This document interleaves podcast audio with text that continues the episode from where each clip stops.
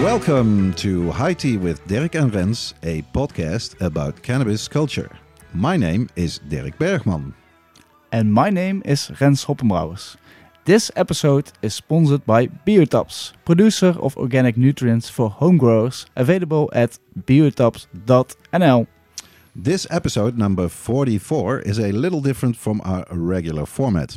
We traveled to Amsterdam last week to create a hybrid between the High Tea podcast and First Smoke of the Day, a cannabis and culture podcast based out of Los Angeles, California.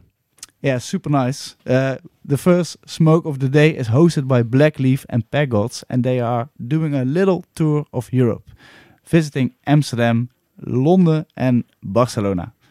This gave us the chance to meet up in Amsterdam and create this unique collaboration episode. Both gentlemen are originally from the state of Florida, but moved to California where they started Blackleaf, a company producing exotic, clean boutique cannabis 16 years ago, and numerous other ventures, including their podcast.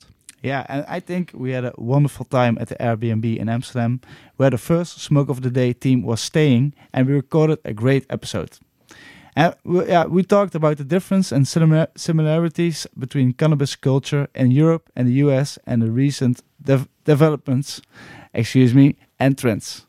And it turns out that we both want what the other one has consumption spaces in the US, like the Dutch coffee shops over here, and legal production in the Netherlands, like in the legal American states.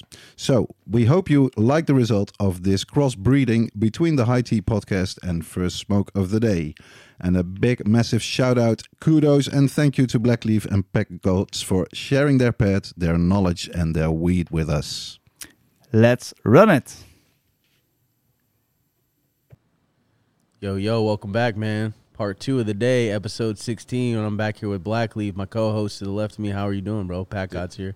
Awesome, bro. Big Amsterdam smokeout sesh today, huh? I mean, we've been chugging along. I'm loving Amsterdam, and we're joined here by two uh, gentlemen that have been gracious enough to welcome us in their country and uh, ask us to be on their podcast. We decided to do a double feature, special collaboration podcast. This is episode 16 for us, and uh, I'll let you guys introduce yourselves. Yes. Uh, hello, welcome. Uh, my name is Rens Hoppenbrouwers. I'm one of the guys from the uh, High Tea podcast, and this is episode 44 for us. Hell and yeah. I want to introduce my uh, co-host uh, from the from the High Tea podcast, Derek Bergman. Yo, Derek Bergman here. I'm, uh, as Rens uh, rightly says, uh, co-host of the High Tea podcast, or uh, aka High Tea with Derek and Rens.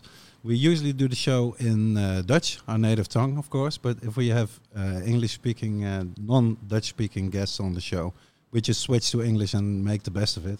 And we sort of find the, the, language of the plant is international. Yes. So we Absolutely. can we can usually connect to to people in the cannabis cannabis world, so to speak. it And- brings people together. yeah, and for us it's it's great. It's always good to be in Amsterdam. We did a few uh, legendary episodes already here, taped here in Amsterdam, and to be here at your spot, this is a really fantastic uh, location. Really nice Airbnb.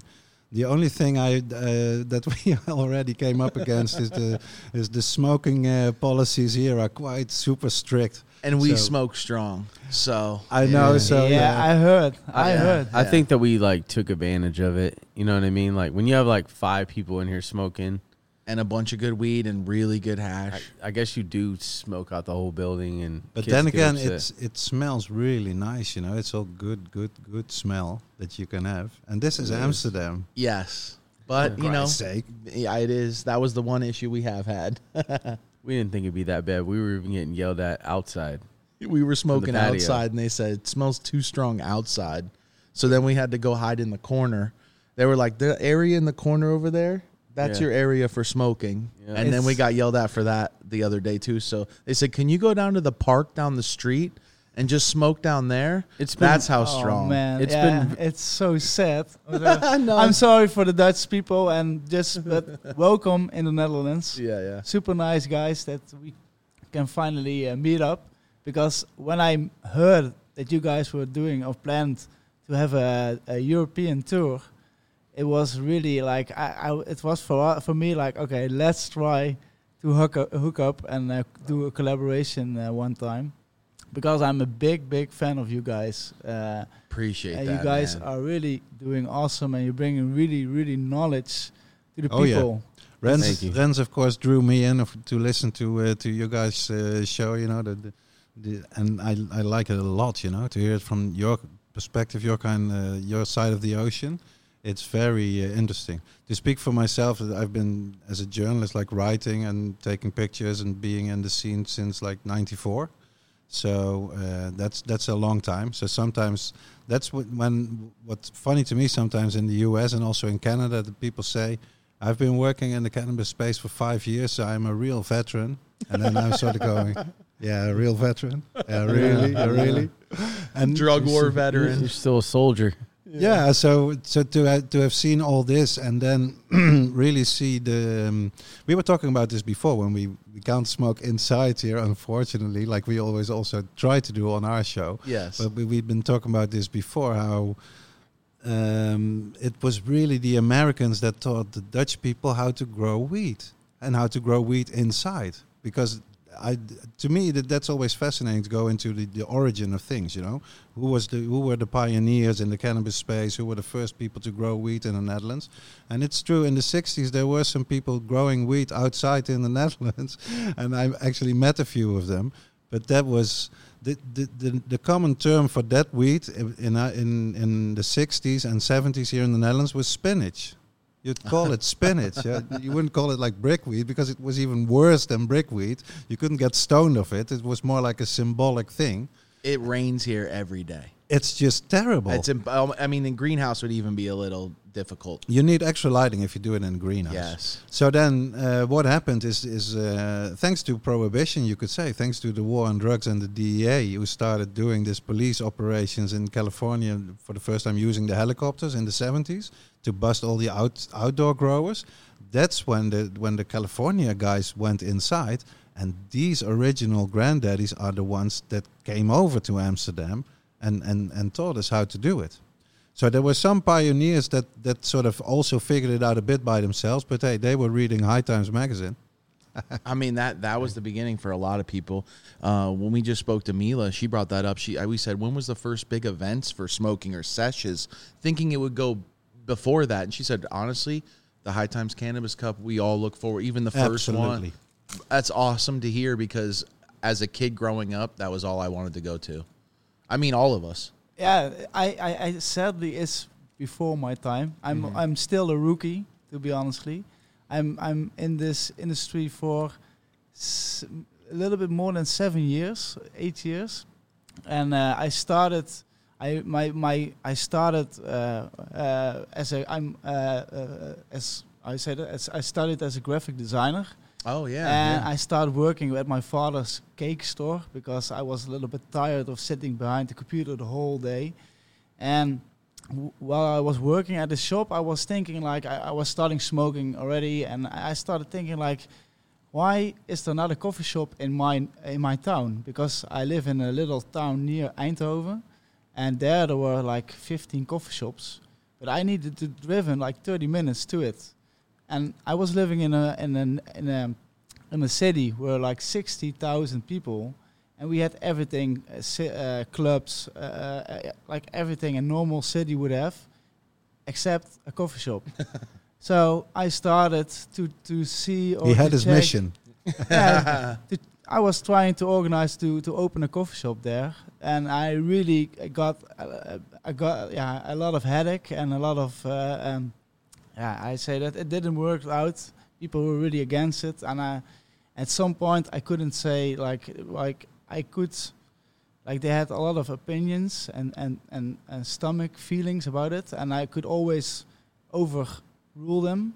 But at one part, they, I could say them like, okay, you're right, because um, the, the I said that the coffee shops right now still has to deal with the black market to operate the coffee shops, and they because of the Dutch government. exactly, and Crazy. and he didn't want me getting in touch with the criminals. My city, I said it, my mayor. Yeah.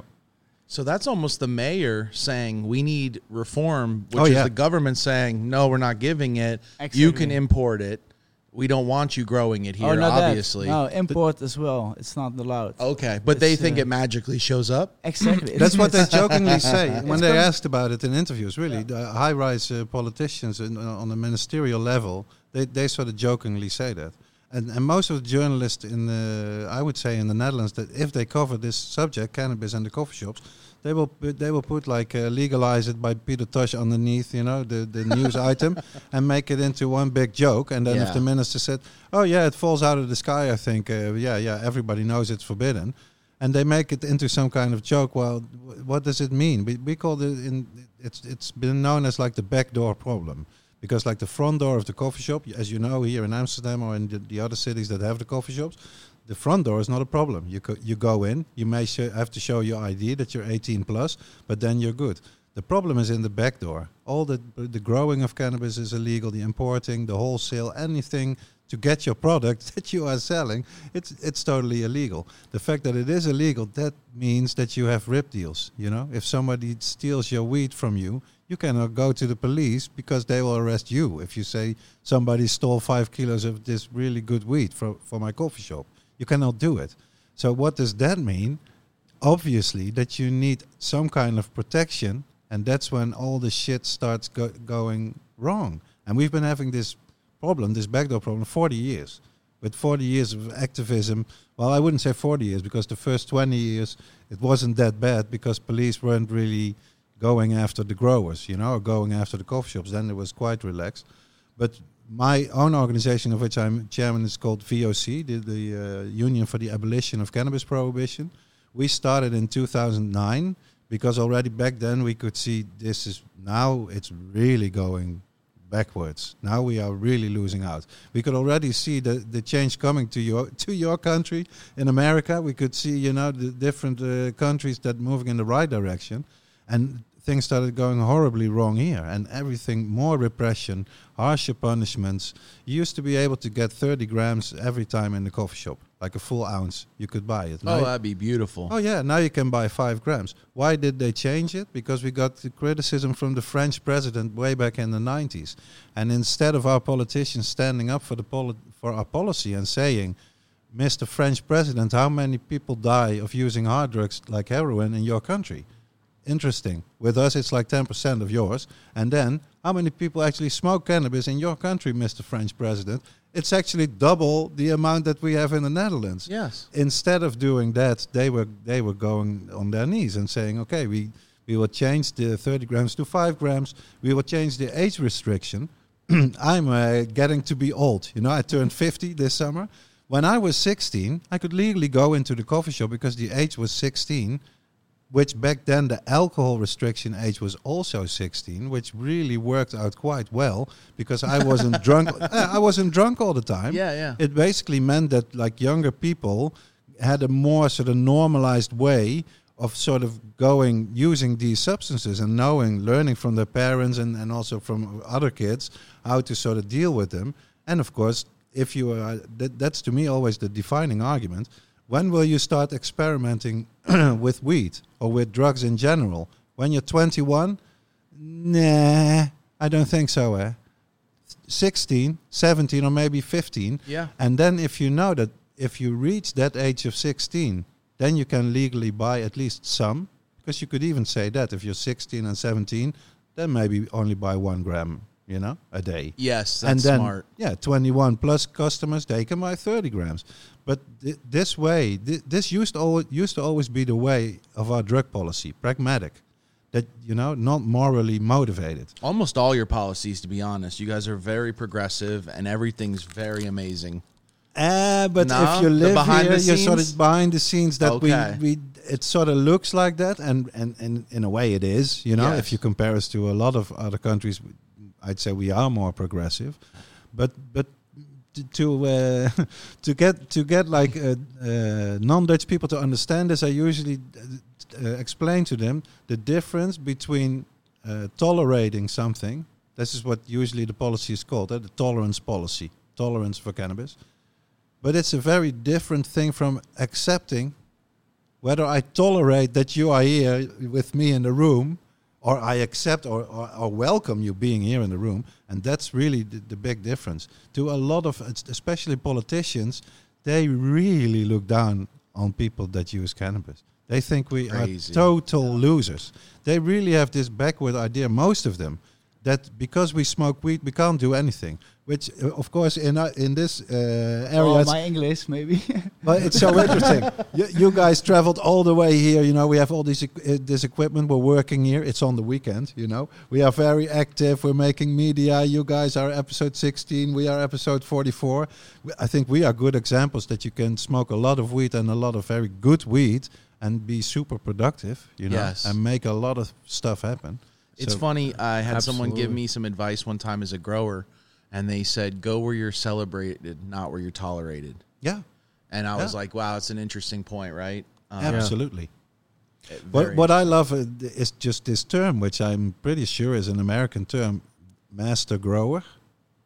that's a that's a rough one. Most real growers will shy away from being called that because uh, I would consider growing like karate or like martial Uh-huh, arts. uh-huh. You're kind of in it for life, Yeah. and Yeah. uh, Always there's striving an- higher. Yeah, yeah. But yes, there are guys that will call themselves that.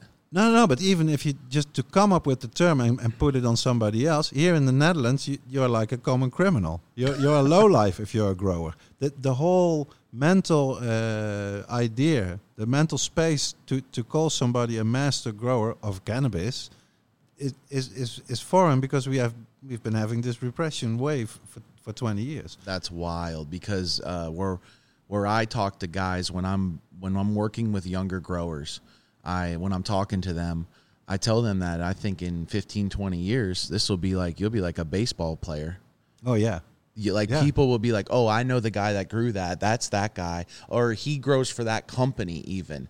The company won't might not even be as relevant as the head grower for those guys, man. He's like a rookie. He's coming up in the league, you know, Yeah. very similar to sports players. We've talked about that, me and Pat. That's fantastic. Gods That's a, lot. fantastic image, I'd say. Yeah. I, I really tell young growers that I say you guys have had it never better. Some of the guys I've worked with, this was their first job, and it was a 150 light grow.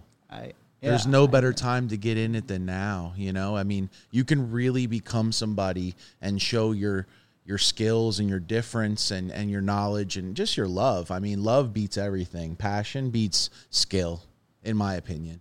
And then would you say that that's, it, it, that it's enough to really get this plant and, and use use like plants for growing and making this this fantastic end product, or is it really also about making your own crosses and making new varieties? What what would you say is? Um, I think it's so competitive right now in California and in the United States that you almost have to have all your own strains. Would you agree?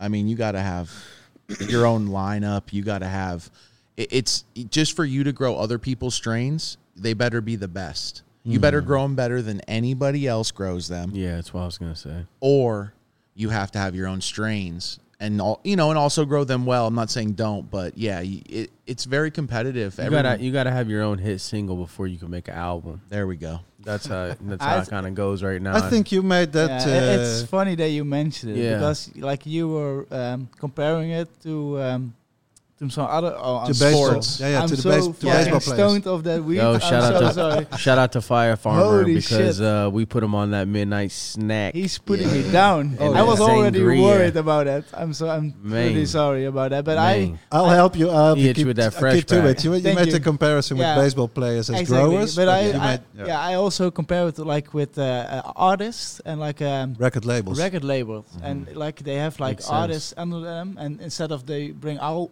albums out they bring strains out. Yes. And like yeah it's uh, thinking but i always thought like that's a way like little growers could, could compete against the big licensed producers. So they it's like a, how you say that? They can start uh, uh, uh, being uh, famous. I say that. They like how can how can, how can you say that? Celebrity, Um, like sorry, celebrity almost, Like, or you, like if you're a grower, if you- star. yeah, if you have a grow facility, you can bring little growers with them. Yes. you can make albums or like Yeah. breeders. Make them uh, make them good. of them. Yeah, That's how like I stars. see it's it's the future. It really is like that because right now, what you're seeing in the United States is companies that are either nowhere or somewhere, right? And their head grower will then either come on board or leave, and the company will go downhill. And it's an ongoing thing of like, hey, bring on this grower, pay him all this money, we'll get all this information, and then when we stabilize and everything's built out and we learn everything, let's Ah, let him go. We can hire four or five people in in his place. Exactly. Do the And- same work. And yeah, and then That's the American way. but exactly. But the that's why I say I think the grower will even supersede Capitalism. the brand sometimes because when brands bring in the right grower, it's like the partnership born in heaven. And that's the issues with the American market as far as I see it is you know just explaining to you is Yeah, yeah. is that's why I think of them as baseball players cuz like yeah, you have your team but you have your players. And when the new players come on the team, it makes the team and of better. course, for the, for the for our European listeners, that will be the soccer here. Yeah. right, right now, now soccer fans all over Europe are talking about Messi leaving Barcelona. It's sort of the same thing. You can be a fan of Barcelona, but hey, if Messi goes, you're gonna watch the new team that Messi is going to for sure. and they might not score as many goals. Yeah, yeah. Ah. Interesting. you know. Interesting. Yeah. So, yeah, it's it is like that. What I was wondering about with all these f- fantastic products on the market, you know, in California and in all the legal states, uh, more or less, are people also still growing their own, or, or is there too much good product? No, absolutely. Everybody, there's people growing their own. There's people growing their own everywhere. There's so many states online right now that I think that that's why our podcast has become popular quickly because a lot of people are working in grows, they're trimming, Yeah, they're doing monotonous work, and they're listening to the podcast while they're doing it because it's relatable and it's conversation within the community, which there's not a lot of conversation being created. Um, Especially not knowledge. You but know, there's people growing in literally in every state, hundred percent. yeah, every Um, single and state. they, they've the been US. doing this for years. I mean, there's probably people in Georgia that have been growing for 30, 40 years. Like, it's been going on. It's just now it's elevated, and now there's licensing, and now there's legitimacy, and we're, we're no longer looked at as criminals, and it is a career path, and Yeah. people are taking it serious now. And they're seeing the you know the lucrative aspect of it, hey if you figure it out if you tax it if you regulate it the consumers want it give it to them you know what I mean so we still have a long ways to go. Still federally illegal. Um, that's a big problem for a lot of things, a lot of reasons, Banking. banking and uh, taxes, and can't write anything off and stuff like that. But um, I, I will say this. You know, I came here when I was 19 back in 2007 and I was I loved it. I loved the experience. It was much more free than the US could ever be with cannabis in my opinion. In my experience. Now, I hadn't been to I hadn't been to Cali yet, and I hadn't been to Colorado yet. I came here first because I thought, hey, Amsterdam's like the spot. The you know, this I should come here first. I loved it. Um, but now coming here back years later, I realized that like Amsterdam stayed right where it was in 2007 or maybe before. before. You know what I mean? And, and, it, and it just stayed stuck. And then meanwhile, in the U.S., like we're progressed more than Oh, I man. ever would have imagined in my entire life. Even though it's still not federally legal, we are seeing things that are insane. The biggest facilities, millions of dollars being invested in the, in this space. Uh, just just insane. Brands worth hundreds of millions. You know, even some of our homies and stuff, their brands are worth millions right now. And uh, it's cool that we were all just coming up doing high times events and at tables and sessions and all this like four or five years ago, and to now fast forward and know that, you know, I, I feel like Cali cannabis is all over the world.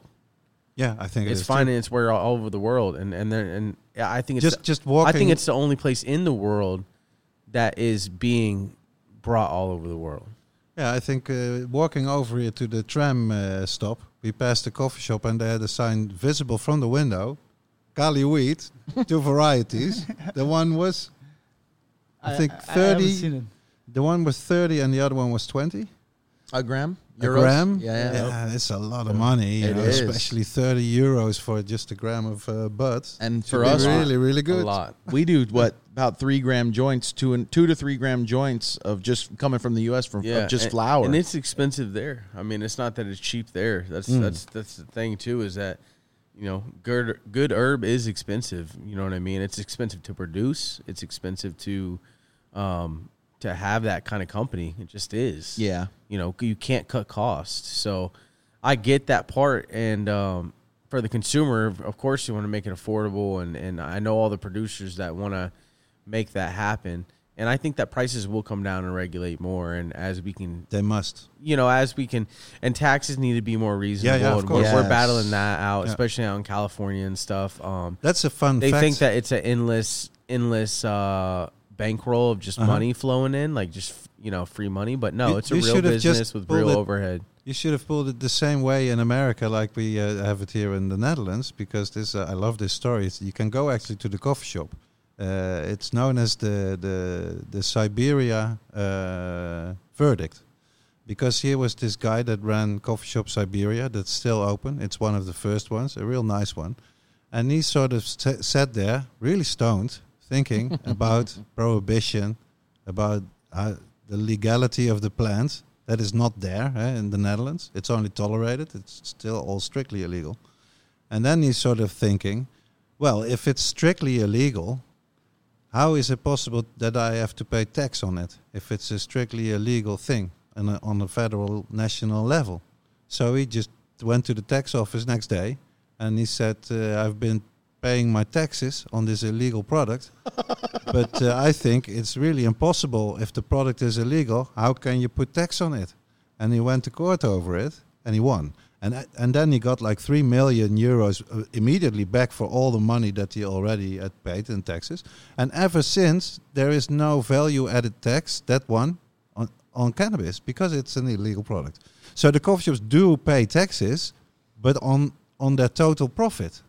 They are not like any other product that you can buy as the normal value added tax to it, but you cannot have it with cannabis.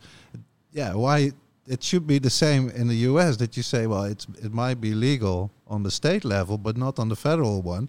So hey, there cannot be any taxes, but maybe it's only the the local taxes that It's you just pay state anyway. yeah? taxes. Yeah, Yeah, it's still. just state and then local it's real taxes. high. twenty to thirty percent. Yeah, here it's nothing.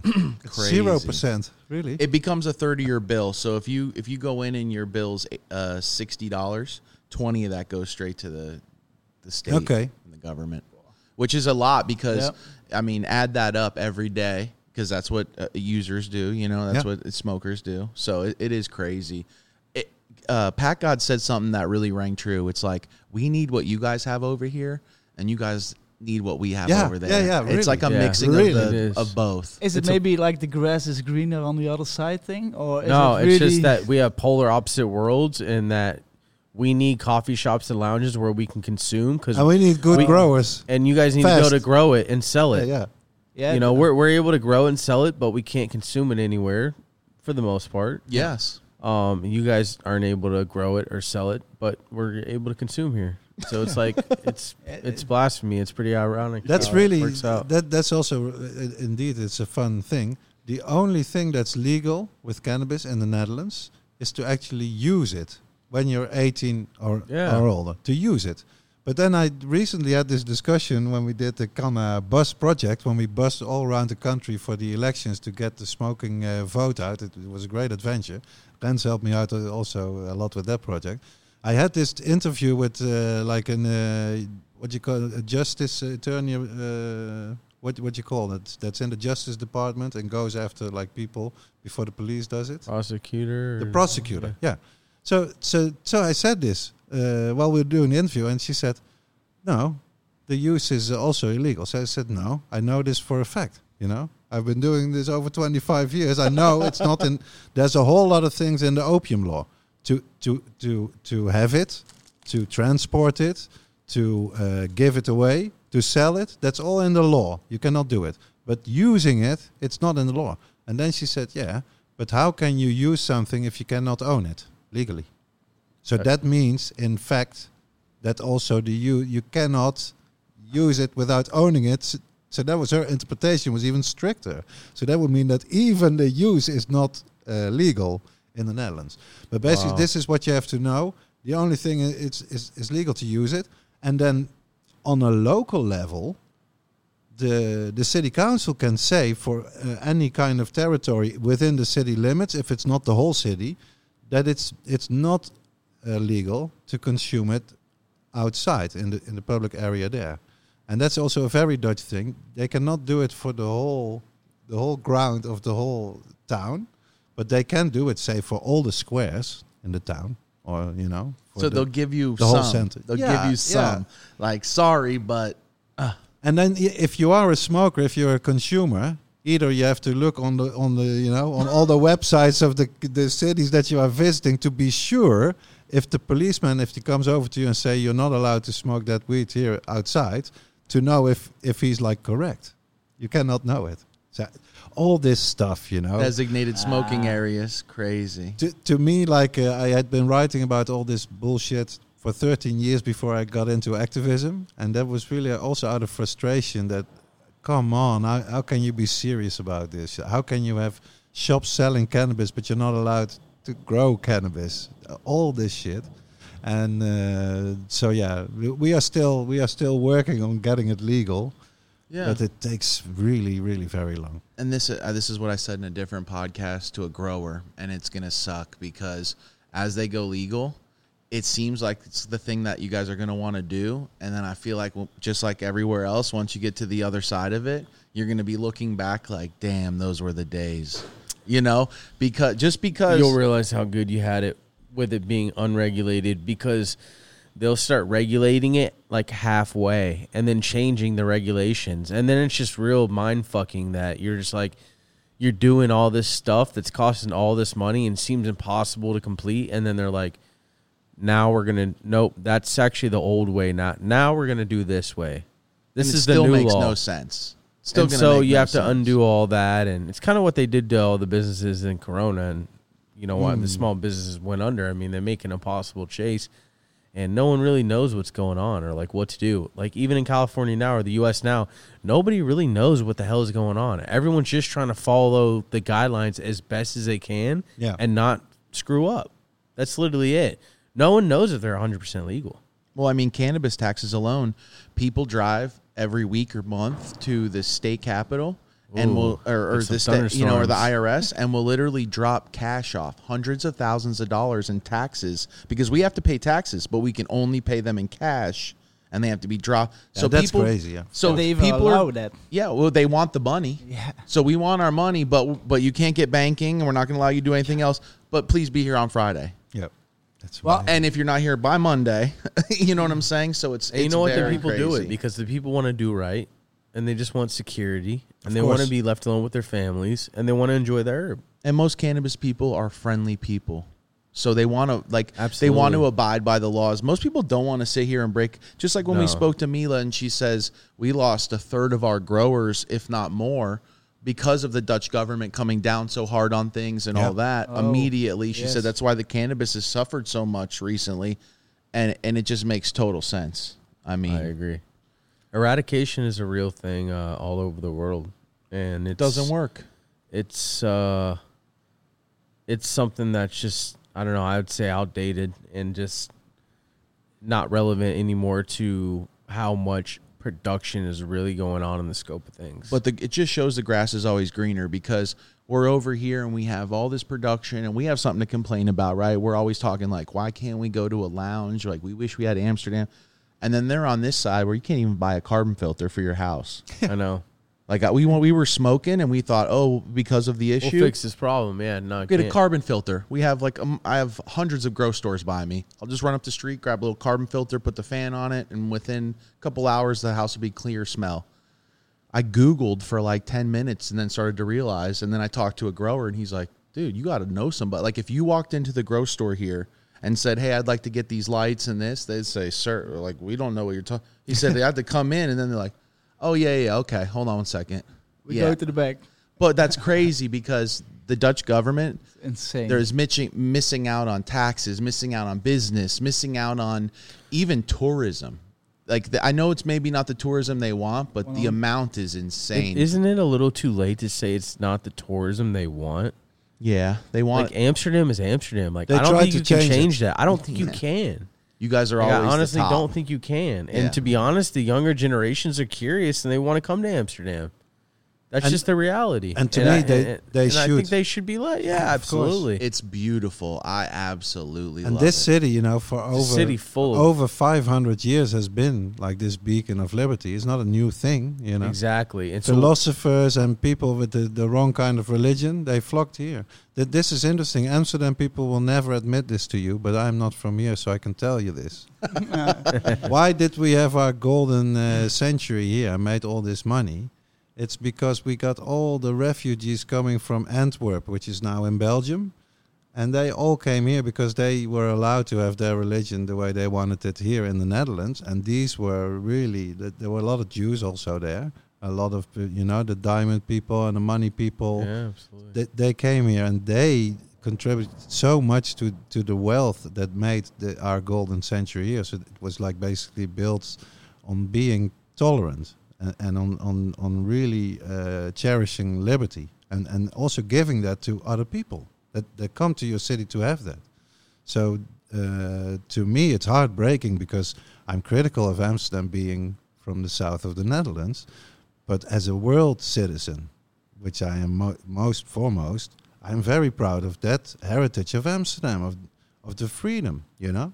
And of course, and I think, like you said before, the most people that are in cannabis, they are kind people. Yes. I think it also goes for a lot of the cannabis tourists, if you can even call them that, because that's also what uh, there's so much prejudice against it. The idea that if you are a smoker, that you will only go to a coffee shop, you will be non-stop smoking weed, not do anything else, not go to a restaurant, not be in a hotel, not buy souvenirs, and and making a nuisance of yourself, which is really what is done by people who are drunk, not Yeah. by people who are high on weed. It's the opposite. I mean, we we smoke a joint and then we're like, "What's the best food in the area?" Yeah. And then we go back and smoke another joint, and they say, "You want to go to a museum, or should we go on a boat ride? Maybe we should rent the whole boat Yeah. out ourselves because then we won't have a problem smoking on it."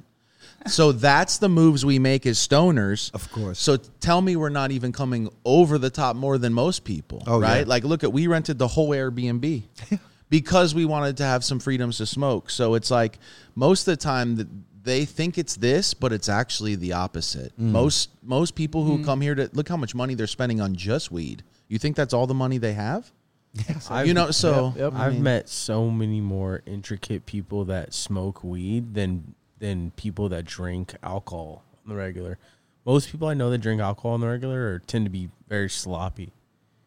or just mean. You know, and and it could go the same way for weed, honestly. But at the end of the day, It's not a guarantee, but it's yeah, It uh, isn't. At you the, know, at the end of the day, I, It's a I- difference. it's usually a good sign, I would say. A say. tastemaker's a tastemaker, and a wastemaker's a wastemaker.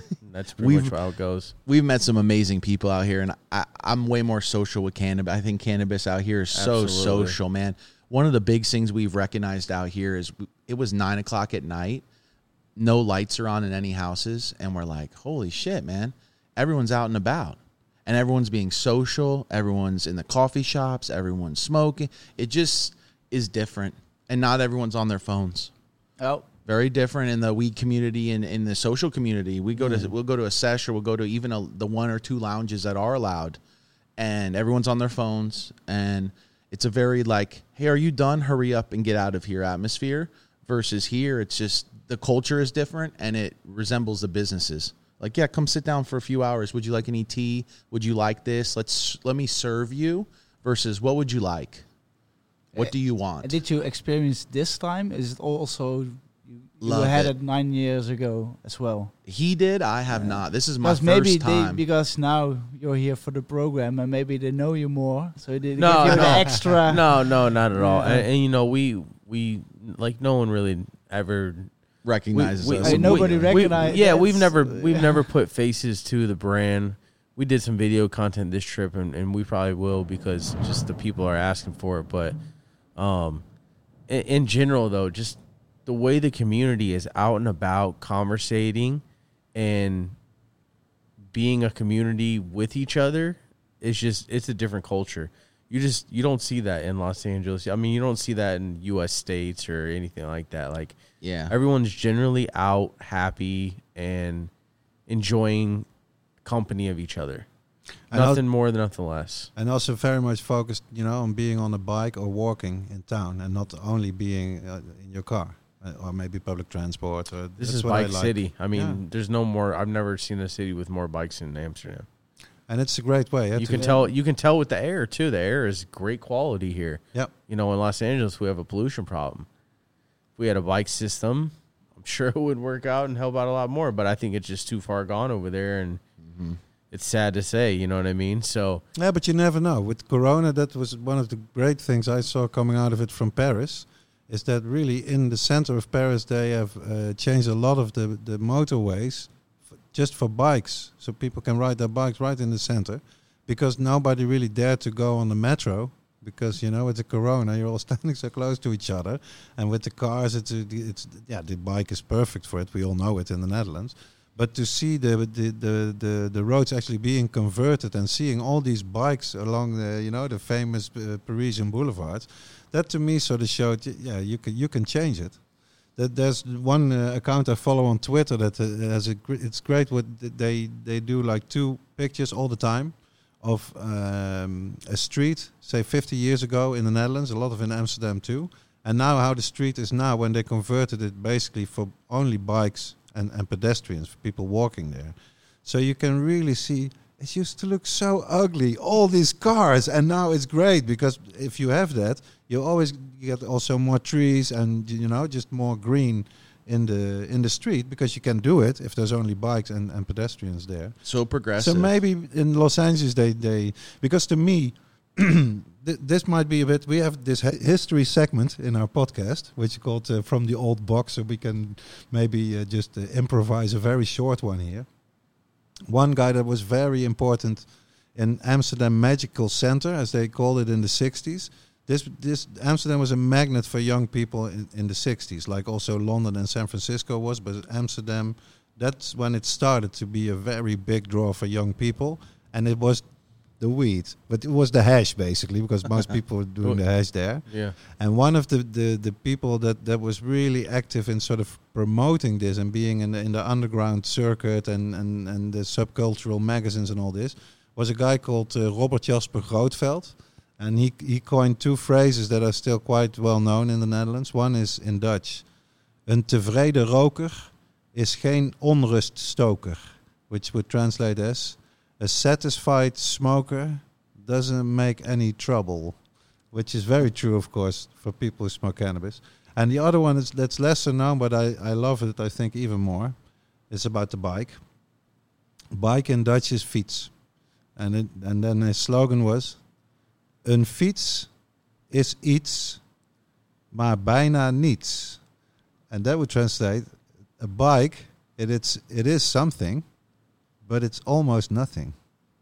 Meaning, for the environment it's great it doesn't take up all the space you know it doesn't cost much it's really almost nothing to have the bike but it is something and i lo- and of course in, in dutch you have the rhyme because bike fits something eats That's good. Nothing. I like that a lot. needs- It's deep too. It's very very, very deep. deep. and this guy was just he was uh, he was right in the middle what you could say is this guy crazy or is he a total genius right, you right, know and he was one of the big he has this uh, skit that he, he he he was the guy that made up the phrase amsterdam magic center because he was asked somewhere to ma- to make a speech and he didn't have any preparation. And he stood there and all you know a room full of people and he really didn't know what to do. And then he got this sort of a vision and he, he started talking right away about it. He said all these young people will come to Amsterdam. They will come to the Vondel Park. They will sleep at the monument on the on Dam Square. This all came came to be true because these were the hippies, and they did actually camp here in the Vondelpark and went to the Dam Square uh, War Mo- Monument, being there and, and smoking weed. So this guy, he, he was uh, yeah a real uh, phenomenon. who who would uh like who do Dutch people coin as the cannabis pioneers here? Like who are the because good like on, on from the United States we have ours that we see as Dutch like these are the guys, but I have a feeling they're not the same guys. I would say maybe because it's a good question. Because it's we a had to- lovely question. Yeah, because we had the documentary series here. That was also, that was like a, a milestone and a, a good moment. That for the first time, really, uh, TV journalists really went do- dove into this subject of cannabis and the coffee shops in the Netherlands, and made like a six-part documentary series on national TV about it. And they basically had the big three, and, and I would would agree with them. The the first one is Bernard Bruining, who, who opened up the first coffee shop here in Amsterdam called Mellow Yellow. The second one is Ben Dronkers, who, who started Sensi Seeds, who started the Hash Museum here in Amsterdam, who first had a coffee shop in Rotterdam called Sensi Smile. So that, that's interesting. And then the third one would be Henk de Vries, the founder of uh, the Bulldog, that is really, I think, worldwide the most recognizable guy, most recognizable brand. If you ever heard of Amsterdam and weed, you you've heard of the Bulldog. So you got to have a lot of respect for them. And these these three men, it was very good. I know them quite well because I've, I've been doing it as a journalist, writing about cannabis so long. You you got to know these guys, and to me to see them on TV and have have so much time devoted to their story was great. You know, to to finally finally like like we explained before, if you're a grower, you you're seen uh, as a criminal by a lot of people, like some kind of troublemaker, whatever. We could never come up with a term like master grower. It will take us years from now to even maybe get to that level So what did they reference them in the documentary? Outlaws or pioneers? As pioneers. Yeah, pioneers. Okay, so Yeah. that's the start of it. yeah. There was there was some criticism that it was like too uh, pro cannabis, but to me, Oh man. and what what's very interesting about this, and then then you can see the paradoxical uh, how paradoxical our country really is. The filmmaker guy, the producer, is a guy called Robert Oey.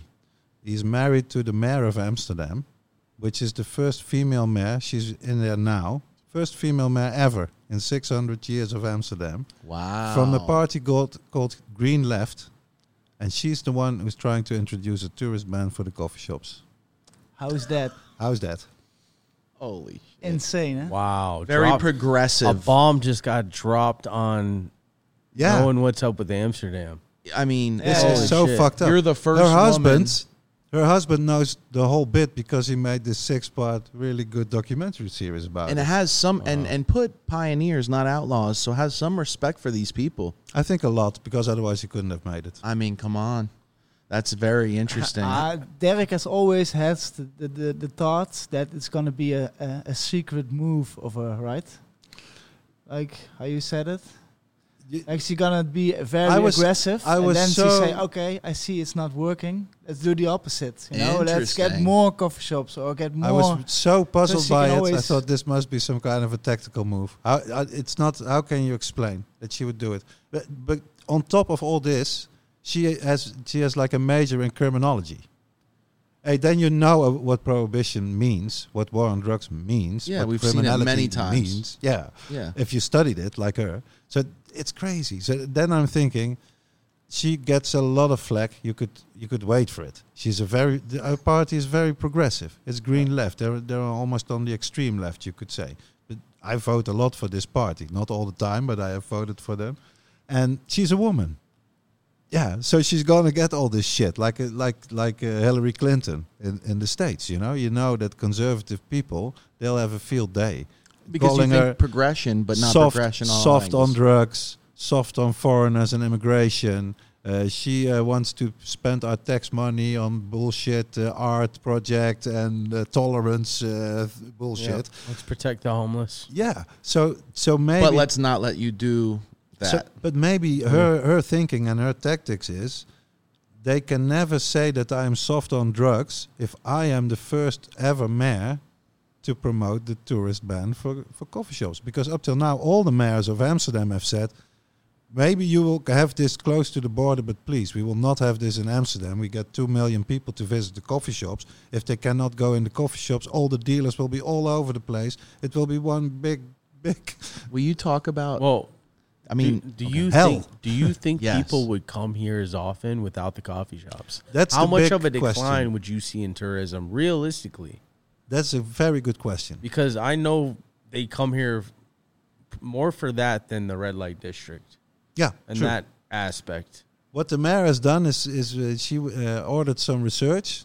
A thousand people in the red light district were asked if you were not longer able to go to the coffee shop, would you still come to Amsterdam in the red light district?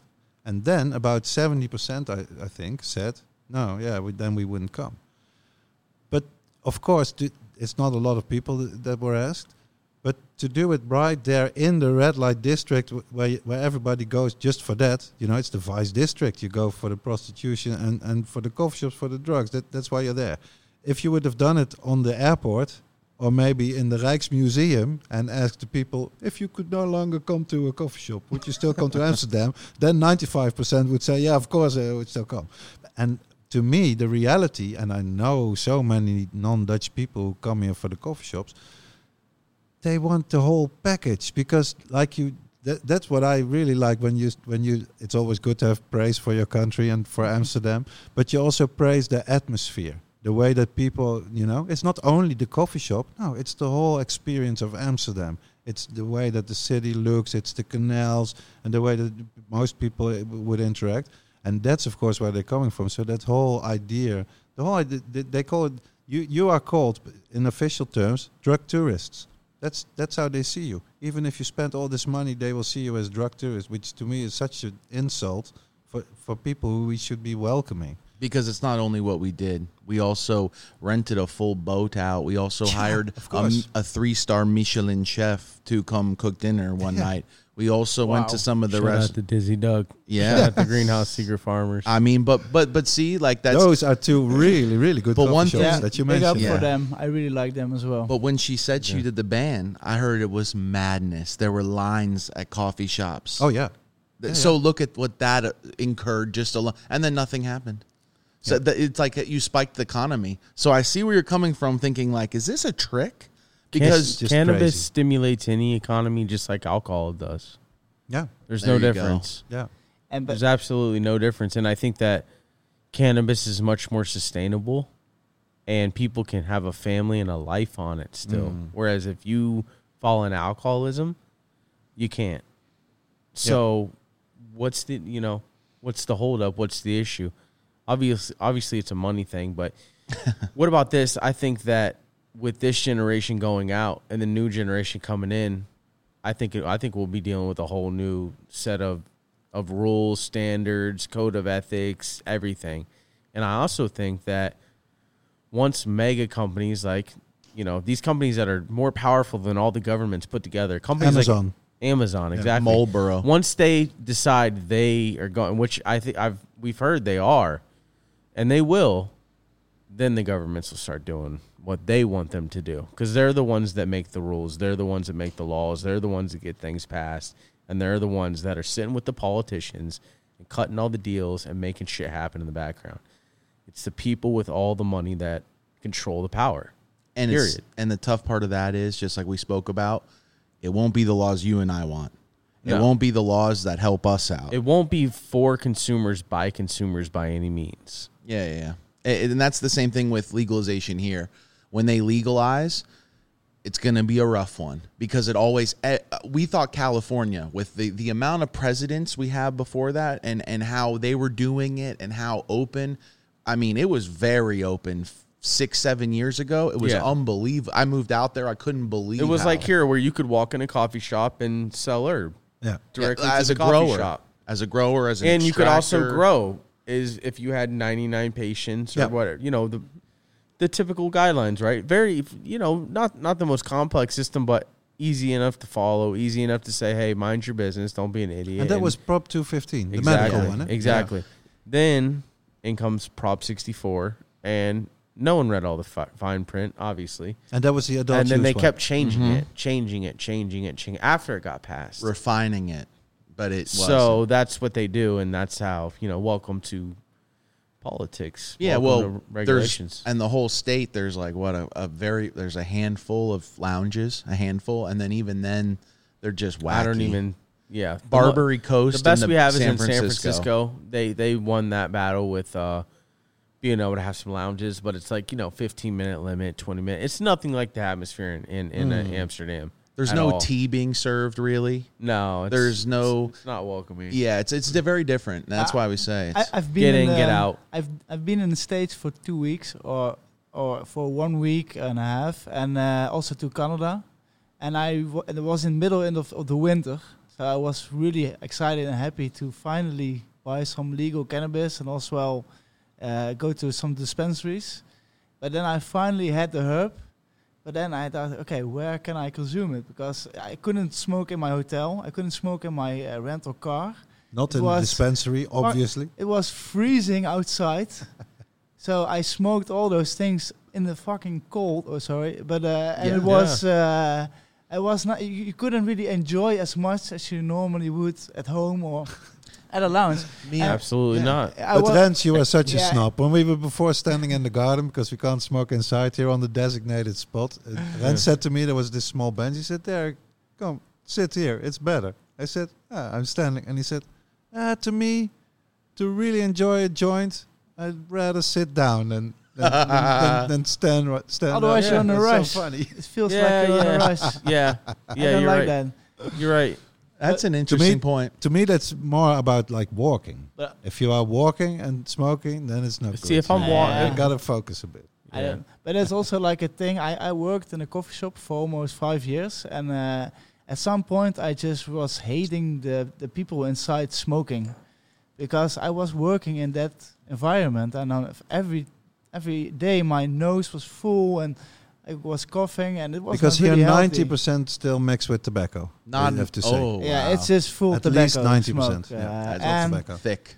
I was thinking, oh man, there should be only dispensaries, you know. well, uh, like Terps Army, they say no tobacco. Exactly. Yeah, he, he learned me to smoke. Yeah, that's a new uh, topic I want to Yeah. uh, put on. What do you guys other- think about that? from Terps Army? Yeah. And Yeah. just the not allowing tobacco smoke. Well, and no, stuff. no, but they have to do it. They have to do it. The law changed since Oh, they do? Yeah, Oh, since wow. April first. That's a lot of Dutch people. They have no clue about this. But the law here is not against smoking; it's against tobacco. Yeah, but so you can Army, smoke tobacco, but you can smoke weed inside a coffee shop as long as you don't mix it up with tobacco. So that's why a lot of the coffee shops now they they will offer you this uh, tobacco uh, alternative, which is like some kind of herbs or whatever. Actually, this company that we just had on uh, on The the, last podcast, yeah. yeah, the, on forty three, he made this new product that is made entirely out of hemp. So that's quite interesting, you know. Makes There's sense zero they would- they- THC, They would make hemp as, as the new the new basically- tobacco. or Basically, filler or whatever. It's yeah. it's really a filler, yeah. But Yeah. it makes no sense because that's well, uh, Rens is more of a specialist, I, I would say, and you are longer Now, in I, than I, me, I, I can I can explain it a little kicking the tobacco. I've been uh, I'm organizing a cannabis cup in the Netherlands. It's called the Homegrown Cup. It's just for small home growers, and they keep compete to each other. I love it. And every year we, we invite some s- some special guests to get a little bit attention and uh, get some extra uh, like people like them to be there and to talk to with. Um, so at some point uh, we got uh, a tip from uh, Karma Genetics Huge. saying you because he always is around at the cup as well. uh, but he said you should uh, invite Lorenzo from Terps Army. He is a really specialist, and you might like him as well. And uh, so we invited him last December, and he spent. Well, I, I sent him a message because he was still in Spain, and the whole uh, Amsterdam coffee shop was still not uh, there. And uh, so I, I asked him like, "Hey, you could you would you like to be a judge for the Homegrown Cup? And uh, if you like, you can have to come over to the Netherlands because you have to judge them, and we can book a hotel for you, or you can sleep at my place and uh, just hang out and just enjoy the Netherlands." And uh, and he, he went for the second. He said, "No, I don't go to the hotel. I will go to your place." So I said, "Okay, that's also like the mentality of the guys. You know, you, you notice how he is." And we had a very nice weeks, and he had some problems with his plane, and it was just a COVID test was just needed, and he didn't have, and a lot of problems also with his dog, so he needed to go back to Barcelona. So he, he asked me to bring him back to Barcelona. He said like, "Do you want a free holiday uh, at my place in Barcelona? Can you please bring me back to Barcelona?" So I brought him back to Barcelona with the car. It was like a 16-hour drive Wow. and I, I stayed at this place for a week and there, yeah, he's just uh, a, a passion. I never met, almost never met such a passionate, full guy with flowers and with her, uh, with concentrate.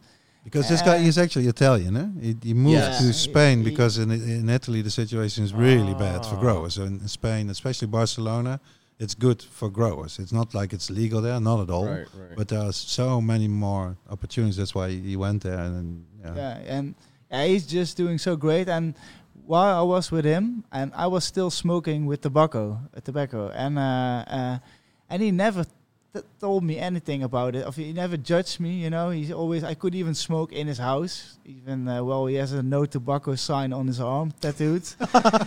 but he was super open. Okay, he never judged me at anything. And but I felt uh, at some point a little bit like I was smoking the whole time, and he was just smoking at the points he liked to be stoned. You know, he was more enjoying it. He was more, yeah, respecting it or something. How I really saw it, like I was even like abusing it almost. You know, I was. yeah, but it's true. it's it's such a mind thing. And at some point, uh, I was at his house uh, in Amsterdam. It was like a few months later, but I still had that thing in my head.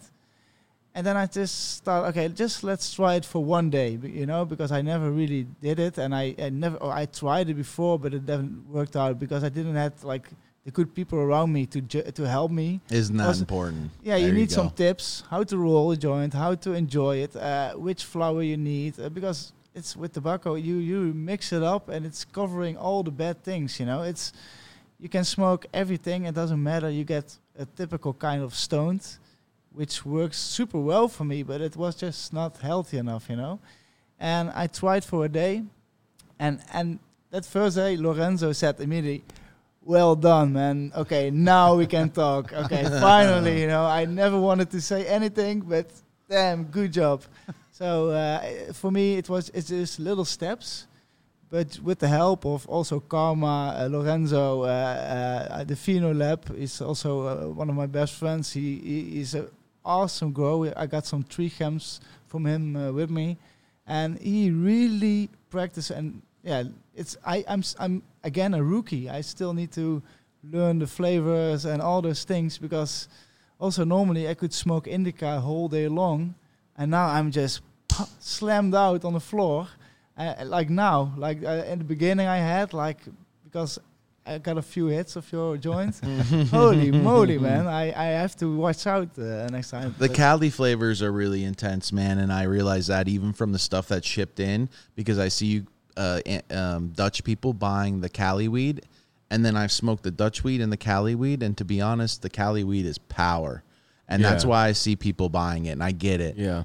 Uh, now you guys just need those genetics and the government to back up a little bit. Yeah, you know. exactly. Yeah, but also I was thinking like uh, most of the the the, the Cali wheat I've been I've saw the test results of the coffee shop I worked for. They were always around 15 till 20, Yeah, not super super high. Interesting. and I get more stoned of it than like the wheat of higher percentage of THC. And you guys will also mention it in one of your episodes, like the essential oils and the terpenes in it really That gets has- you fucked up. That has more to do with it than the percentage of the THC. And uh, the fact that they keep putting percentage on the THC is just con- That's our first thing. I got to do that because that's their thing. Yeah, so. it- it's just It's uh, it's just confusing the consumer. That's all that is. You. It's a marketing tactic to just get your attention on it. If you don't know what what you're doing, you know what I mean. If you don't know what you're talking about, or you don't you don't know what you're doing when you're buying a product, you're like, oh well, this one's you know, because with alcohol you don't do that. you never judge it on So the ex- alcohol explain e- explain basically the demonstration that guy did on the video when he talked about alcohol and uh, THC. Remember you were Yeah, he said, okay, so can you imagine walking into a place and just saying, I'd like to buy alcohol um, with the highest percentage of alcohol? you know what I'm saying? With the high. Yeah, yeah, and Uh, he says, it's very interesting because you have, like with high end cannabis and others, right? People think, well, it's got to be the best. It has the highest THC. Yeah. Well, does Dom Perignon have the highest potency of alcohol? Yeah. Do you know? Do do some of these and but but those are prized as high. You know, th- the highest of the high and the top brands. So why does it matter in cannabis? Because I mean, it is coming as a grower 18 years now. It means nothing to me. It really. You tell me THC, and I I think of it as like, oh, okay, cool. It's been proven that you can get higher off less THC percentage. Look at Skittles. I know you guys know about Skittles, and I know we bring this up a lot on the podcast because it's one of those everyone can relate to it. A lot of it's a big hype strain. You smoke it most of the time. That's it's really low. sixteen to eighteen percent THC. You're getting greenhouse Skittles most of the time. The indoors maybe 21 to 23, 23 on the best growers, I'd say 26 maybe. That's not considered high at all. Let alone you smoke that joint and the stoniest stoners are like, "Wow, this is intense. this is a it's a, it really is psychoactive." And I think there's a lot to be said about psychoactive terpenes and psychoactive cannabinoids. Certain profiles when you light them and they are fresh act so much different and light up different synapses in your brain and and nerves that it, it doesn't matter the THC. The reason the reason you got so high off this, Yes. number one, it's grown well. Number two, it's good genetics. Number three, the most important, it's very fresh. Hmm. Very It's a- fresh. and the- Freshly trimmed right here. The Cali That's the that- biggest thing. yeah. The fresher the better. And it's all about fresh cannabis. So Yeah, yeah. if cannabis is aged and sitting, it's going to give you that couch lock, cannabinoid, munchy, more negative side effect of the cannabis and of the smoking THC. experience.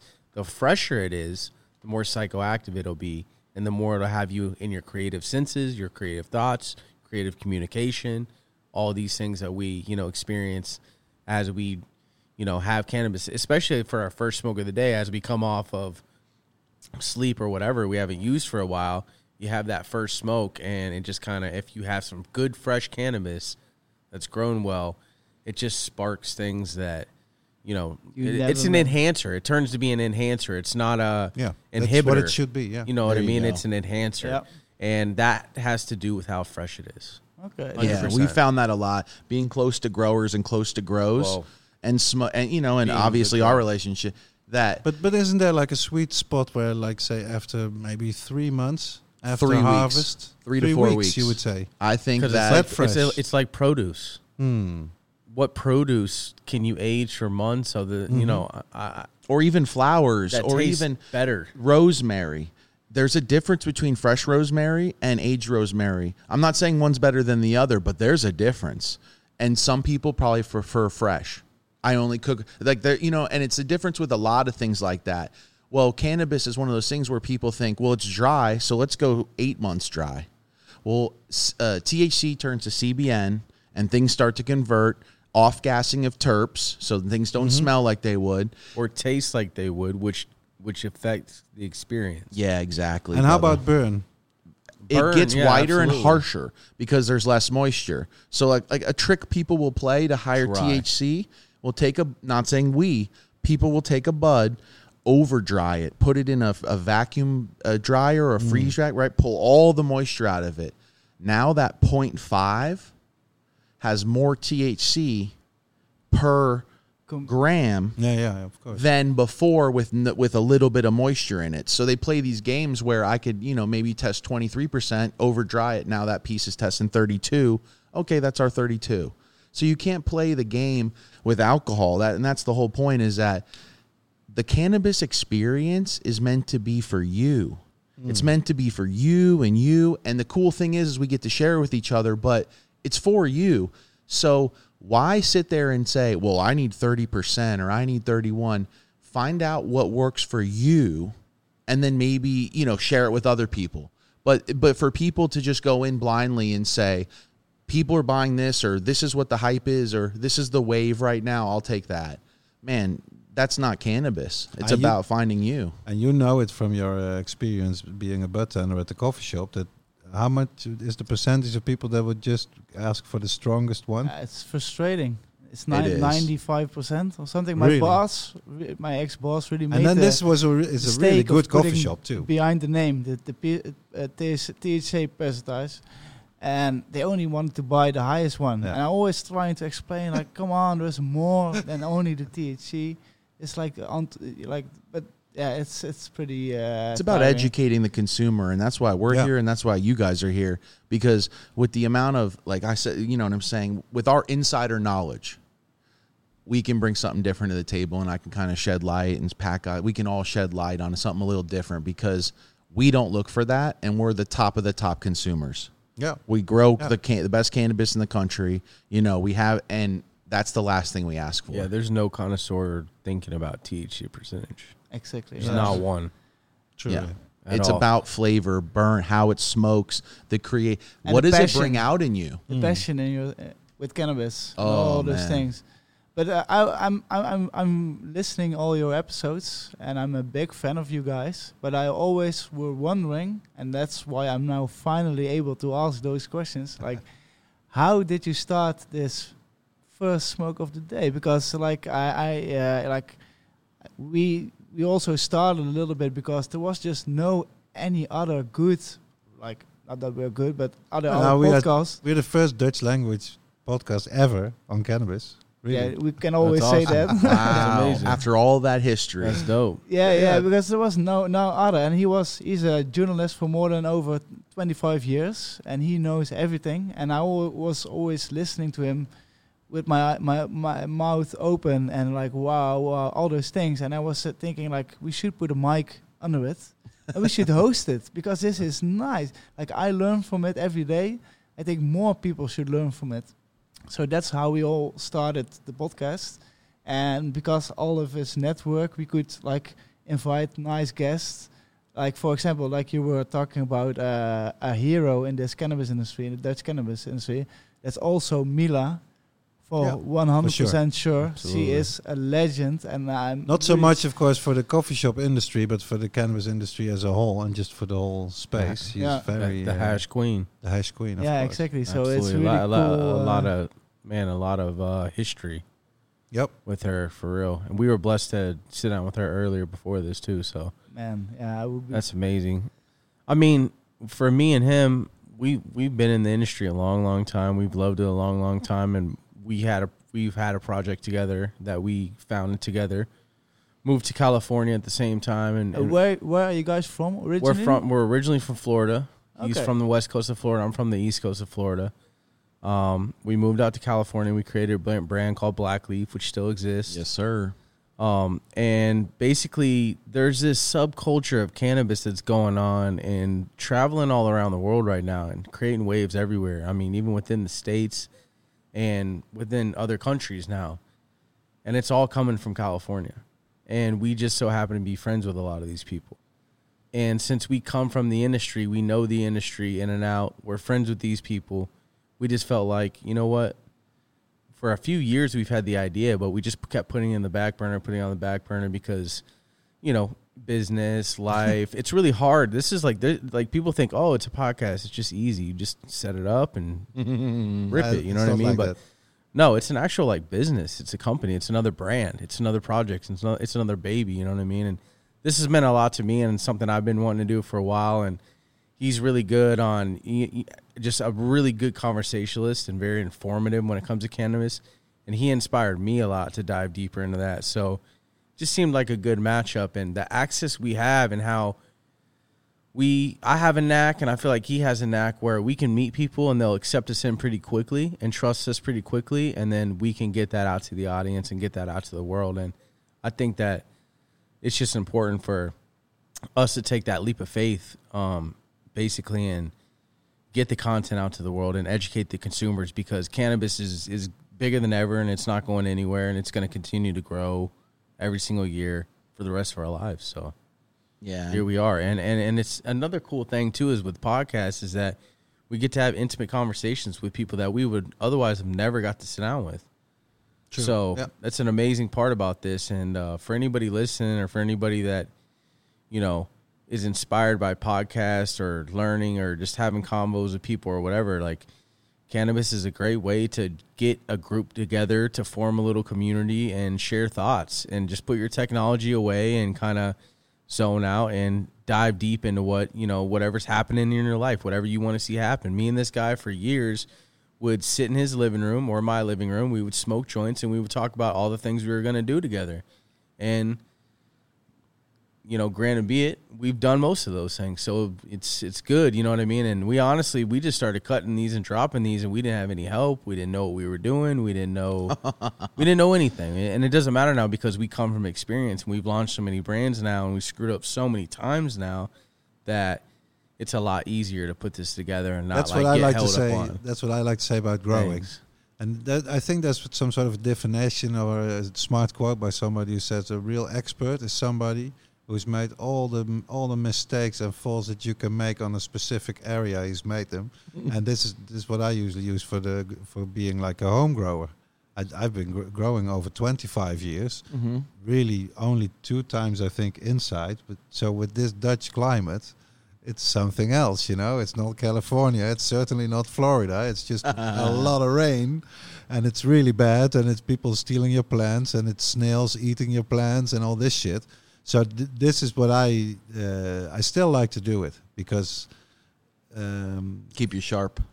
no, and it, it keep it keep you sharp, but also to handle plants. You Mhm. know, to It's peaceful. to potting potting over these plants and sort of looking at them because that's what I've learned that any grower, real good grower, has told me, and now I tell them whether I'm good or not, but to a lot of other people, looking at your plants, that's the thing, observing them. It all starts there and it basically all ends there too. If you really know the plants, you know them from looking at them Time. and feeling a bit, and then you sort of know beforehand what to do before problems get too big. For instance, I like how you put that too because there's a funny video that's going around and it went viral. And it's a guy and he's laughing in the camera and he goes, "Who are you?" He goes, "You think you're doing well?" He's like, "I've already I've already failed 10 times today." and it's a funny thing because most people would take that as like, "Oh lord." But it's funny because it's like, "Well, yeah." And now it took that to get, you know. So I just thought that was a funny point you made because of that video. I mean, so you guys basically Amsterdam. What are you smoking out here? Like when you smoke, what strain? Well, it depends a lot. We Mhm. we're both on the on the High Life uh, Cup, which is like the oldest uh, cannabis cup in the Netherlands, organized by the oldest magazine, High Life magazine. So you get a lot of weed, and you get about three months to judge it all. And then when we were still smoking with tobacco, then it lasts you, and, and maybe in the long run it it will work different. But usually, if you have the tobacco, it lasts you for a long time. So what I do is I have my homegrown plants that finish around September, October. That be dry in October and I try to stretch the weed from the cup or from other cups until that moment, so I don't have to uh-huh. buy my weed in a coffee shop. And then, of course, I get a lot of uh, weed gifted by growers and all this. But to me, uh, I've, I've, I'm a big haze fan always. Like Silver Haze has been that was for me a defining strain way back. Before that, it was still I was smoking also foreign weed like Congo weed and Colombian weed, really like pressed brown bad weed. And then skunk came along. I, I that's when you're as old as me, you really had this. That the, really the first time that Northern Lights came out, for instance, in the Netherlands, that people coming from France, from Belgium, to coffee shops specifically because they know Northern Lights was a strain that was for sale at the coffee shops there. But for me, the Silver Haze one was always a, like a, a benchmark strain, and now I'm really into the uh, yeah to the to the American strains, just Yeah. the gelatos and biscottis and just these fruity strains. And but I'm I'd say I'm different from uh, because Rens is you are almost 20 years younger than me, and I always say Rens, if you say that weed is bad. You don't know shit. The kind of shit weed I have smoked in my time, and bad hash as well, you know. But r- just really, really bad. So don't tell me that thi- this weed is bad.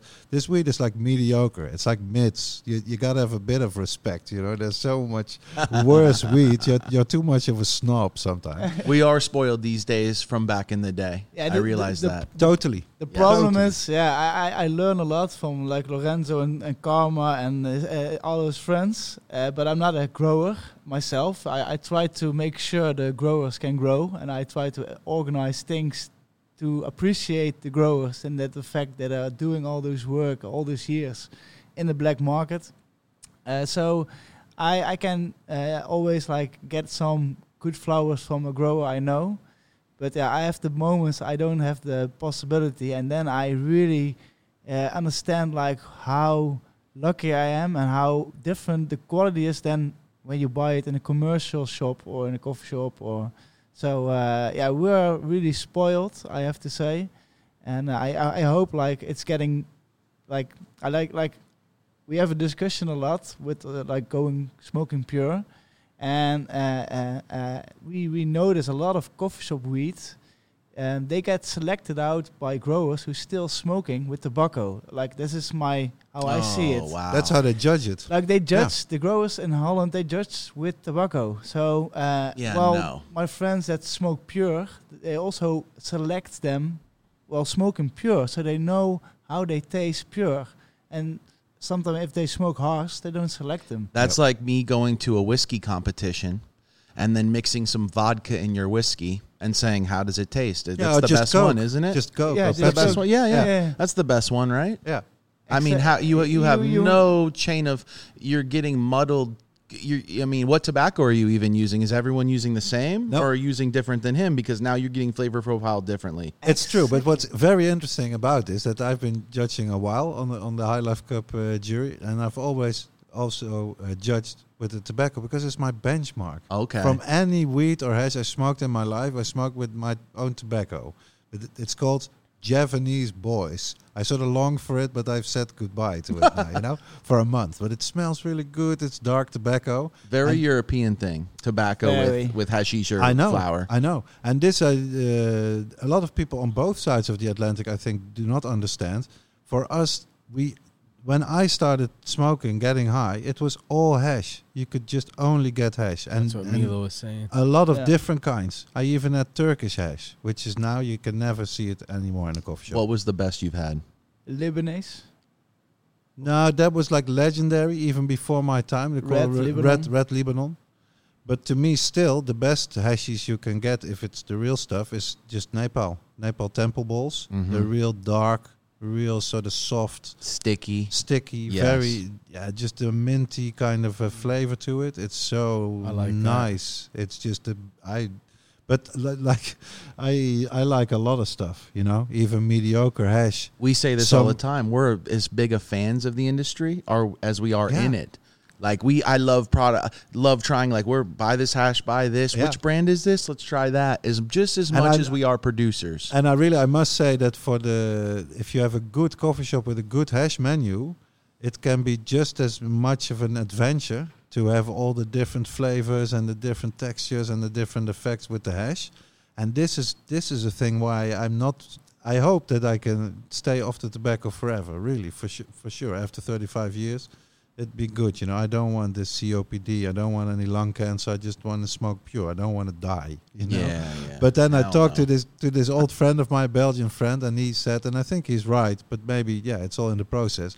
He said, I I smoked everything, used all the all the drugs that there are. Basically, I believe him.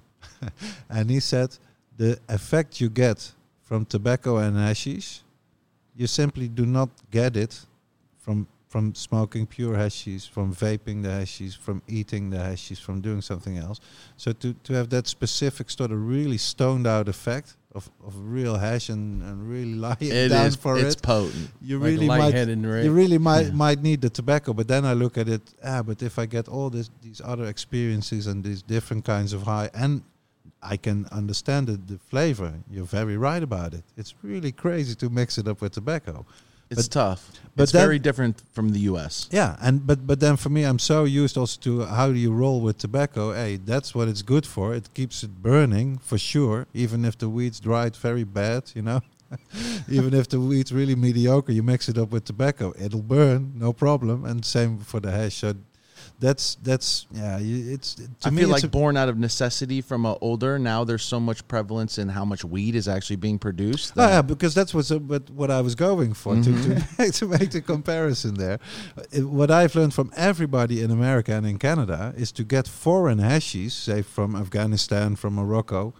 You never ever ever get it. You get you get weed that's either in the old days from Mexico or from somebody that's growing it wherever in the U.S. You, you get your homegrown American weed, but you don't get foreign uh, hashies.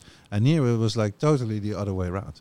So Yeah. a lot of people started doing that, and to to smoke this foreign hash, it is it is a lot harder without the tobacco. That's just a really nice and convenient way to do it. If you put it in in a, in an iron pipe, for instance, you can do it, but it's a, it's a different way of smoking, and I think it's also different from smoking uh, weed. I think different generations as well. See, the tobacco thing never was big in the U.S., and then also we grew up smoking with pipes, Mm-hmm. so it was such Yeah, a commonplace. Yeah. Yeah. So it's not European to smoke a bong either. even when I came up smoking hash in like 2002, 2003, 2004, we were taught. I was taught.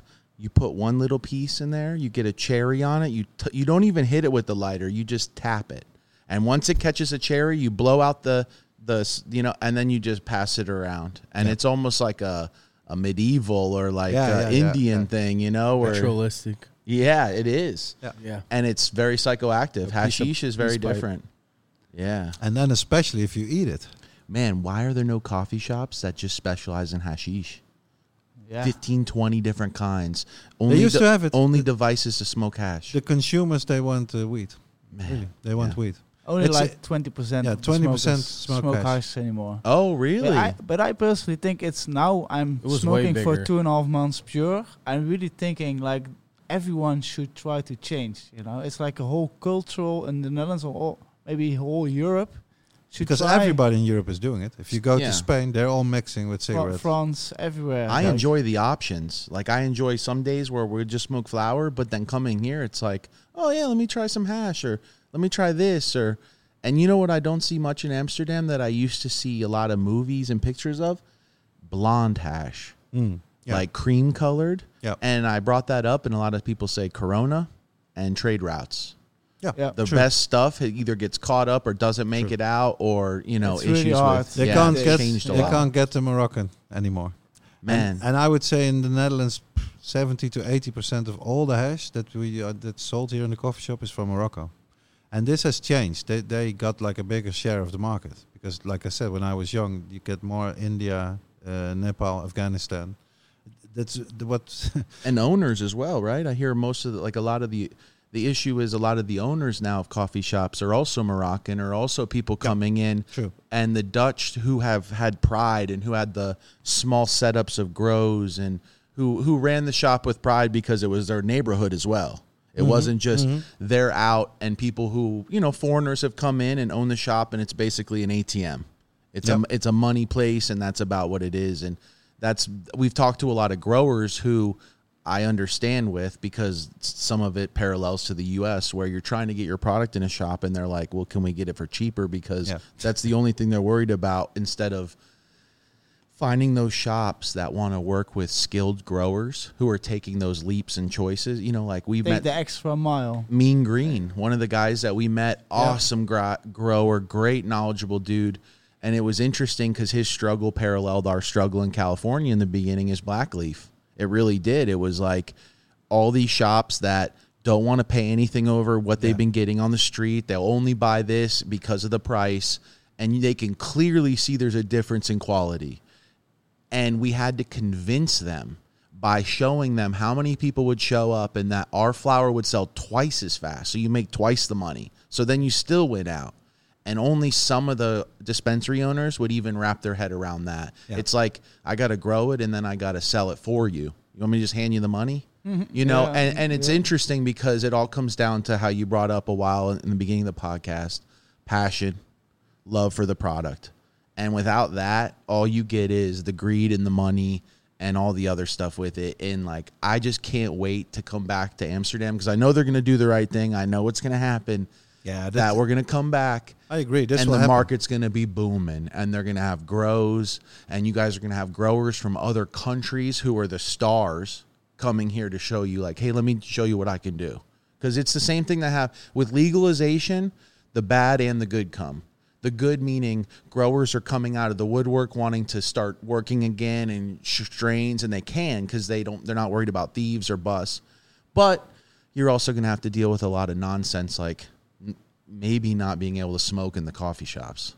They might just be retail, Yep, yeah, but like still, what happened to us. Uh, what you Yeah. see now uh, in Amsterdam, but also in other cities, is that some coffee shop owners, because of COVID, it was not uh, possible to have like the consumption room. So you could only have like you buy it and then you go away.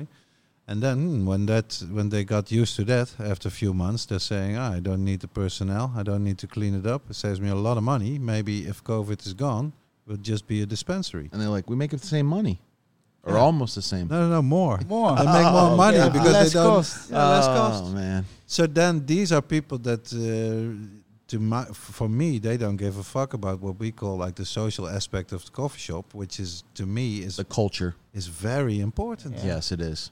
It's it also has a lot to do with like younger, unexperienced consumers being being there, you know, and learning to smoke and how to do it in the coffee shop. and meeting. We met a guy. We're sitting there. Next thing you know, we just struck up a conversation with a guy um, from Switzerland, and he's growing on the side of a mountain, and he's got these huge plants. Beautiful. It looked like it could have been on the front cover of a magazine, you know. And there, without that, we would have never. We would have bought our weed and ran somewhere and hid and smoked it Yeah. which is like crazy compared to having a great social interaction with somebody I would have never met otherwise, who then we went out and spent money at, at other places. Yeah. Uh, and I can tell you this happens all the time. Yeah. And and a lot in Amsterdam because obviously we get so many people from all over the world coming here. But as you know, also in uh, in Eindhoven, my favorite coffee shop that was unfortunately closed down by the mayor. But for years and years, they were on the only one that had a big outdoor terrace with the coffee shop. You could smoke the weed. They, you could even have alcohol, which was like not even in Super Amsterdam rare. was this possible. Yeah. And it's a the, big no no. the atmosphere there was just so fantastic with Italians and students and all the people and total freaks and all these people. They all love to have a smoke, you know. Mhm. Every, so many people love to smoke some weed or smoke And you see some people hash. conversating from table to table. Absolutely. It's like the only place where the multicultural f- uh, society Yeah. has worked out. Like I, when, Yeah, yeah, I worked at the bar, uh, the coffee shop, It's I true. saw like a Moroccan uh, uh, and, and uh, from all kind of countries and uh, directions. They were all sitting together, enjoying and talking about really decent things, you know. And, uh, and it was really I. I always thought, oh man, I really need to make a picture, you know, because this is unique. You know, maybe it's Yep. gone in a few years. You never know, but this is so cool. I, you never see it in a bar or any place almost. Yeah. Like it's super special, and I really, we really have to hold that special thing. You know, it's almost the only place in the world you can have that kind of. Uh, right now it Feeling. is. Our cannabis cultures are very parallel. The, Yeah. the United States and Amsterdam, uh, we're fighting for things we don't have. And we have the things we have, but we don't, you know, we, we're like, okay, that's cool, but we want this, you know, and I, I get it. It's a struggle all the way to the finish line, you know, and I hope it never gets there for you guys like it did for us, where it's Yeah. very difficult. We can't smoke anywhere. We can't, you know. It's gonna come around. Yeah, well, it's I love it here. You guys have the most beautiful city. It's meant for this. It's meant for you guys to take your place in history, which you already have, but to step up and be like the California of Europe. The California of this side, meaning like you're a producer, you're a seller. People come from all over to come see you guys. You know, Well, this this guy I mentioned earlier when you asked uh, about who are the three, uh, who are the main giants, you know, the real pioneers of the coffee shop industry. One of them, Bernard Bruining, famously said when he learned from a guy from California called Old Ed, a very old grower. He was like uh, already growing, I think, end of the '60s in California. And after he learned from from him how you could grow indoor and in a, in a, in a greenhouse, he said, "I'm going to turn the Netherlands into the Jamaica of Europe." I like and, that. And he, he, he sort of yeah, that worked out. That's funny. This this Werner guy, he's such a he was he's absolutely a visionary. Prolific, Yeah, yeah. and he's the he's the guy who first ever showed me the Rick Simpson oil. And it, this was years ago, and he said to me, "This will change so much, which you know, medicinally. Now, uh, small children and old people who don't want to smoke, they can just have a few drops. It'll change everything." Oh and, yeah. And I was sort of super skeptical, thinking, "Nah, this stuff it tastes a bit bitter, uh, Bernard." it's crazy because you see it work with a lot of people in the states with MS, multiple Oh, sclerosis, and other things where they'll have seizures and they go from having like 30 seizures a day Yep. to like zero or one. And I mean, can you imagine having 30 seizures a day? You at that point you'd say, "I'll take anything." Like just give me any. Yeah. And then you have people saying, "No, this is not right. We uh, we don't think you should be taking this." It's like go sit down on the couch next to that person Yeah, with yeah. their siege, you know. And that's the issue is that I think a lot of the mayors and a lot of the people just need to go to the coffee shop and actually experience it, and not in a political way, not with a bunch of people around them or security. With you know what I'm saying? Like go and just experience what's really happening Absolutely. Yeah. If you only spend half an hour, like say undercover, have a cup of coffee, then Yeah. you see you see what it's all about. And you also- see that there's no problem. It's you the know, same thing with opposite.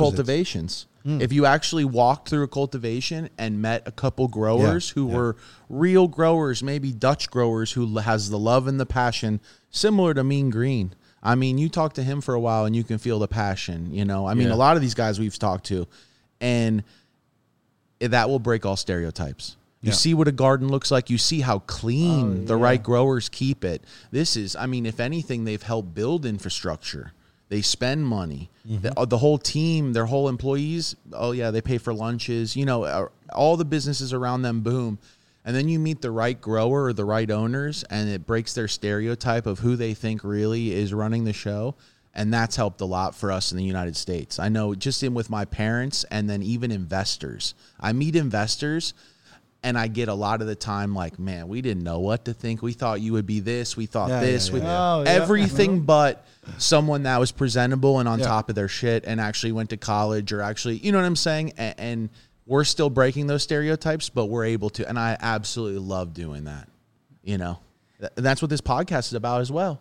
Breaking stereotypes. Yeah, that's. You know? I also mentioned when I try, was trying to open up the coffee shop, I was talking with local politicals, and when we finally had a meeting, they always, when we first met, they always thought like there was I, I was like a big ass motherfucking criminal with tattoos full, uh, you know, and I was like a, a small dude, just with a fucking plan and a passion. Yeah, I Yeah. just want to try to fix something, you know, and it was I was always like. I saw it in the face, you know, they were like relief, like, ooh, like normal dudes, Yeah. you know, and uh, that always helped a lot. But it's still, you know, we're still facing all those kind of taboos Yeah. still in his life. Yeah, that's terrible. But uh, We have Yeah. one generation to go, then that'll be over with.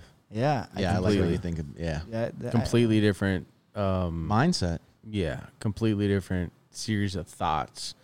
Um, and just it just has to do with our upbringing and the things that people had to see during those difficult times and and, and times of less. You know what I mean? what they've So- been told and taught. through propaganda, media, and you can imagine we are much more free to make up our own mind than back in the days of our ancestors. They had one way to look at it. Oh, you'd be killed for cannabis. That's what was crazy well, well, with I'm Mila. just saying, like you, you, you're like that's bad, and that's the only way you could look at it. Got because you. That was the only way it's Got presented. you. There was like there, unless you knew someone and you had some special situation, which is very, very, very rare. You just know because in high school, even for me, my age, I'm like, oh, if you're smoking weed, you're a bad kid. That's how it was for me, Yeah, and me I too. graduated 2006. So, you know, we're like I say, we're the generation that's now getting it and understanding it and kind of educating people, and and and there is some of the older generation that is reaching down and embracing it, but for the most part, it's the older generation that was brought up by their, you know, their Propaganda. parents through that hardcore propaganda, reefer madness, all this stuff trained into their head. That if you smoke weed, you become a crazy person. did, basically, you did know what I mean? So- did did you think Instagram helped a lot with it, or did it already start? I with mean, the Instagram forums? just interconnected everybody globally. Massive. Yeah, I think you know, it, well. it really did, and I think it helped a lot of things, and I think it hurt a lot of things. You know what I mean? So, um, yeah, that's another, that's a whole nother Yeah. podcast. brother. Yeah, it is. For real. Even with genetics, Yeah. I have a love and hate relationship. I have stuff access to stuff now, and I get stuff, and I can give stuff to people everywhere. At the same time, very hard to protect things because everyone can give everyone anything. People can ship. Th- I mean, you name it, it happens, and at the sa- and it gets spread so fast. I mean, look at Purple Punch. Back in the day, you might have a strain, you'd give it to five people, and five people. I would laugh because I'd be like, they'll all lose it within a year. because of all the hardships a grower goes Yeah, through. yeah. Nowadays, they've already given it to 50 other people. I mean, that thing's out. You're you're done. And so with Instagram, there's a lot of interesting things uh, interwebbed. But man, Yeah, man. We're wrapping up, man. Where can we find you guys? High Tea Podcast. On all platforms. Yeah, what? yeah, Spotify, iTunes, SoundCloud, and uh, YouTube. And on our website, uh, High Tea Podcast, and podcast spelled with a T, but that's the pot, Podcast. little joke, at dot NL. I like and that. uh, yeah, it was a real pleasure speaking Absolutely. with you guys. We could And go for a day. Yeah, I already yeah, know. yeah, yeah, No yeah. worries, marathon. Absolutely. yeah, yeah, part two coming up. Exactly. I, I just really wishing you a lot of joy in the Netherlands and uh, the Thank Europe you. tour. And the rest of the continents. Yeah, Absolutely. Stay high. I love it here. Derek Renz, we appreciate you having you on, and we appreciate you guys uh, accepting us in your country, and you know you ha- essentially having us on your podcast. So Yeah. thank It's you an very awesome much. collab. Thank First you so smoke of the day Everything. times high tea Absolutely. podcast. Signing Great off. hybrids. Thank you. Thank you Peace. so much.